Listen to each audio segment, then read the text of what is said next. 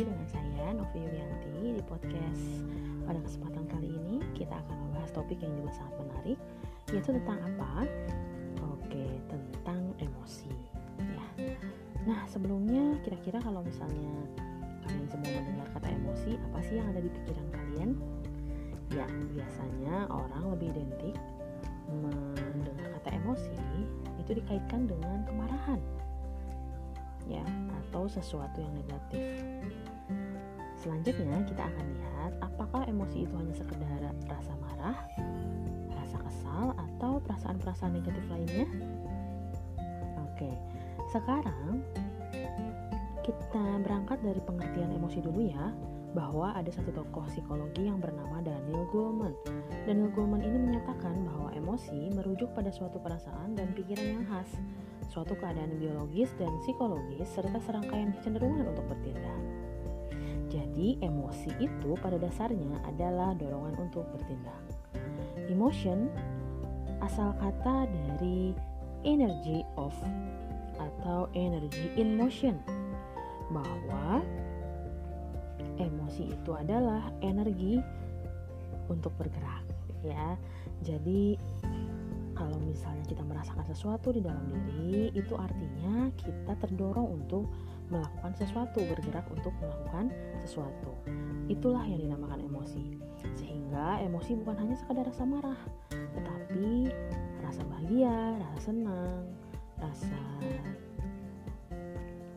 terpesona, kagum, cinta, sayang, itu juga adalah emosi, ya karena semua itu pada dasarnya berasal dari energi yang ada di dalam diri kita dan selanjutnya bergerak keluar dan terpancarlah dalam bentuk perilaku yang nyata, dalam bentuk perasaan yang nyata, pikiran yang nyata tentang sesuatu yang kita rasakan.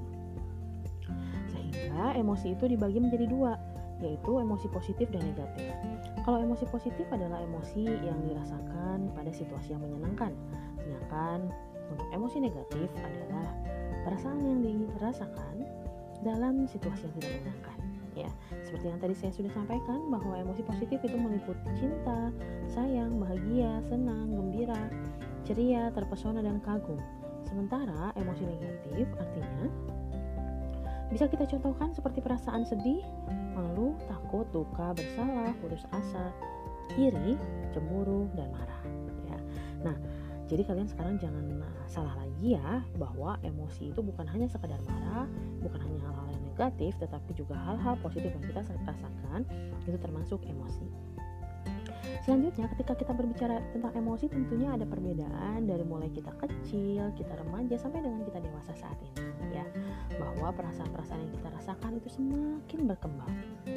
Contohnya, saat anak-anak dulu, kita biasanya hanya merasakan emosi yang tunggal. Artinya, kita hanya merasakan satu emosi saja. Misalnya apa? Emosi sedih, ada bahagia, dan itu biasanya dirasakan satu persatu, dirasakan secara tunggal oleh diri kita. Makanya, waktu kecil kita biasanya hanya bisa bilang kalau kita sedih, kita marah, atau kita senang karena sesuatu. Tapi lain halnya ketika kita sudah berkembang menjadi anak remaja.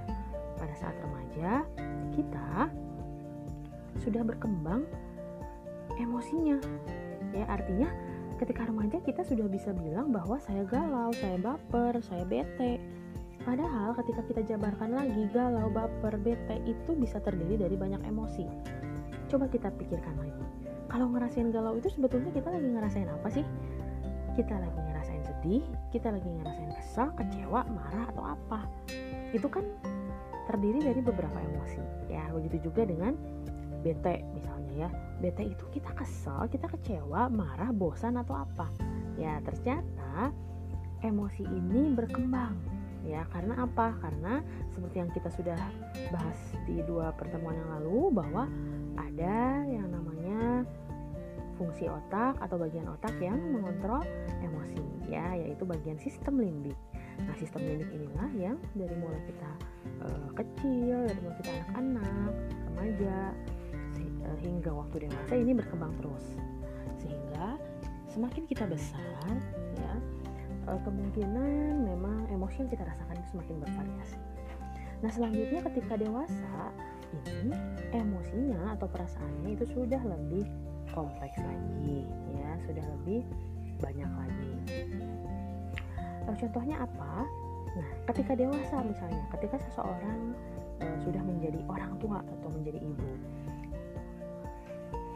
seorang dewasa atau seorang ibu bisa saja merasakan bahwa dia lelah dia sedih dia kesel karena capek gitu ya. Dia marah tapi dia sayang sama anaknya gitu. Jadi dalam mengasuh anak itu ada kelelahan ada kesedihan bahkan ada kemarahan misalnya. Karena uh, apa yang kita harapkan tidak sesuai dengan apa yang anak tampilkan misalnya ya. Tapi di sisi lain kita sayang sama dia gitu ya. Sehingga ada emosi yang ada beberapa emosi yang muncul. Lalu selanjutnya benci tapi rindu. Nah ini dia ya misalnya. Ketika sudah uh, suami istri gitu ya sudah uh, menikah kesel sih sama sifat istrinya sama sifat suaminya gitu. Merasa tidak cocok merasa banyak perbedaan. Tapi mau gimana lagi benci juga tapi sayang gitu ya. Kalau suami atau istri nggak ada bareng kita di rumah itu kecewa kangen gitu. Nah seperti itu. Jadi ternyata emosi juga berkembang dari waktu ke waktu sesuai dengan usia perkembangan kita. Nah eh, dalam mengekspresikan emosi sebetulnya kita sering kali tidak menampakkan emosi kita yang sebenarnya secara langsung. Karena kalau kita lihat nih uh, di slide powerpoint saya juga ada ya uh, khususnya di slide 6 bahwa ekspresi emosi itu atau apa yang kita tampilkan uh, itu kadang-kadang tidak sesuai dengan yang kita rasakan atau malah berbeda dengan apa yang kita rasakan karena ekspresi emosi itu prosentasenya hanya 10% 90 persennya emosi itu ada di dalam bawah sadar ya. Jadi ketika kita mengekspresikan emosi uh, kita hanya menambahkannya 10% yang 90 persennya itu ada di alam bawah sadar. Misalnya ketika kita marah kita hanya menampakkan kemarahan kita 10% tapi ketika kita ingat lagi kita gali lagi 90% dari kemarahan itu dibaliknya itu apa ya ada orang yang marah karena malu ada orang yang marah karena sedih dan ada orang yang marah karena kecewa gitu ya. Jadi berbeda-beda juga nih uh, penyebabnya ya. Uh, sehingga kita tidak bisa menyamakan atau kita tidak bisa menggali bahwa uh, apa yang kita rasakan ini sesuai dengan hal yang sebenarnya gitu ya. Sehingga ketika kita ingin mengetahui penyebab-penyebab kita uh, merasakan emosi tertentu kita harus menyelami ke alam bawah sadar kita ya. Sebetulnya apa sih yang menyebabkan saya marah? Apa sih yang menyebabkan saya sedih? Dan apa yang menyebabkan saya misalnya kecewa gitu ya. Sehingga ketika kita nanti sudah tahu apa penyebab dari emosi-emosi yang kita rasakan maka kita nanti akan mudah juga untuk mengelola perasaan kita Nah, selanjutnya seperti yang sudah saya sampaikan di pertemuan sebelumnya mengenai uh, perkembangan otak ya, bahwa otak kita itu terdiri dari otak emosi di antaranya ya, dan otak pertimbangan atau prefrontal cortex. Nah, otak emosi ini namanya limbic system. Limbic system ini adalah sebagai pusat emosi dasar manusia, di mana ketika kita merasakan marah, senang, sedih, dan emosi-emosi lainnya, maka bagian otak limbik ini akan semakin aktif. Dan sebaliknya bahwa uh, ketika kita dapat berpikir rasional, kita bisa menahan marah, ya. Kita bisa berpikir bahwa ketika kita marah, kita bisa melukai orang sehingga kita menahan marah kita. Artinya, ada fungsi bagian otak lain yang aktif yaitu prefrontal cortex yang letaknya di jidat kita, ya. Karena uh, fungsi dari prefrontal cortex ini adalah untuk menstimulasi kita dalam berpikir rasional, pembuatan keputusan, bagaimana kita mempertimbangkan serta bagian otak yang mampu mengontrol emosi. Nah, bahwa otak kita itu sifatnya adalah neuroplastisitas, artinya kemampuan otak kita itu bisa merubah, meremodel dan mereorganisasi untuk kita beradaptasi di situasi baru, termasuk dalam merasakan emosi-emosi tertentu, ya. Sehingga nggak ada lagi nih yang namanya, misalnya kita menganggap bahwa saya sih dari dulunya emang pemarah sampai sekarang dan nanti selama lamanya juga saya tidak akan bisa berubah. Saya ini orangnya gini, pemarah, gitu ya. Nah, Artinya tidak begitu, karena ketika kita memiliki kemampuan dan kemauan untuk berubah, untuk menerima informasi baru, untuk melatih otak kita, untuk mengontrol sistem limbik kita agar kita tidak terpancing emosi marah yang meledak-ledak, itu sebetulnya kita bisa merubah diri gitu ya. Karena apa? Karena otak itu neuroplastisitas, dia masih bisa fleksibel. Sehingga seburuk apa pun pengalaman dan ingatan kita di masa lalu, ini masih dapat kita gantikan dengan pengalaman saat ini seperti itu ya nah hmm, ternyata di dalam uh, mengontrol emosi juga kita betul-betul dipengaruhi juga oleh salah satunya adalah asupan yang kita makan ya jadi katanya sistem pencernaan kita atau lambung kita ini adalah otak kedua di dalam tubuh kita. Jadi otak pertama itu ya betul-betul otak, tapi otak kedua itu adalah lambung. Bahwa artinya apa yang kita makan itu juga berpengaruh terhadap perilaku kita. Ya karena apa? Apa yang kita makan itu berpengaruh terhadap sel-sel saraf otak yang namanya neurotransmitter. Dan neurotransmitter di otak ini sebagian besar diproduksi dan uh, dihasilkan di pencernaan oleh gut microbiome. Dan ketika neurotransmitter ini tidak seimbang bisa mempengaruhi mood dan emosi diri kita gitu ya. Sehingga uh, dianjurkan nih makanan-makanan yang banyak dikonsumsi adalah makanan-makanan uh, apa namanya lemak tak jenuh misalnya ya. Bukan lemak yang jenuh. Eh, apa-apa saja sih nanti boleh silahkan cari.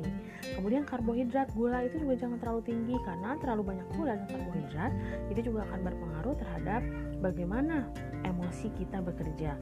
Bagaimana uh, apa namanya mood kita gitu ya. Bagaimana kita merasakan sesuatu bagaimana kondisi diri kita emosinya jadi labil ya um, seperti itu. Lalu, bagaimana sih cara kita untuk mengetahui kebutuhan emosi kita ya? Karena sebetulnya manusia juga perlu sekali tahu kebutuhan emosinya apa dan apa sih yang disebut dengan kebutuhan emosi termasuk kita juga harus mampu mengenali sebab-sebab kita merasakan emosi tertentu dan nanti juga kita harus tahu bagaimana cara kita menyembuhkan luka-luka emosi yang mungkin ada di dalam diri kita dalam emotional healing ya. Oke, nanti kita uh, akan bahas ini di podcast selanjutnya. Terima kasih atas perhatiannya. Selamat mendengarkan. thank you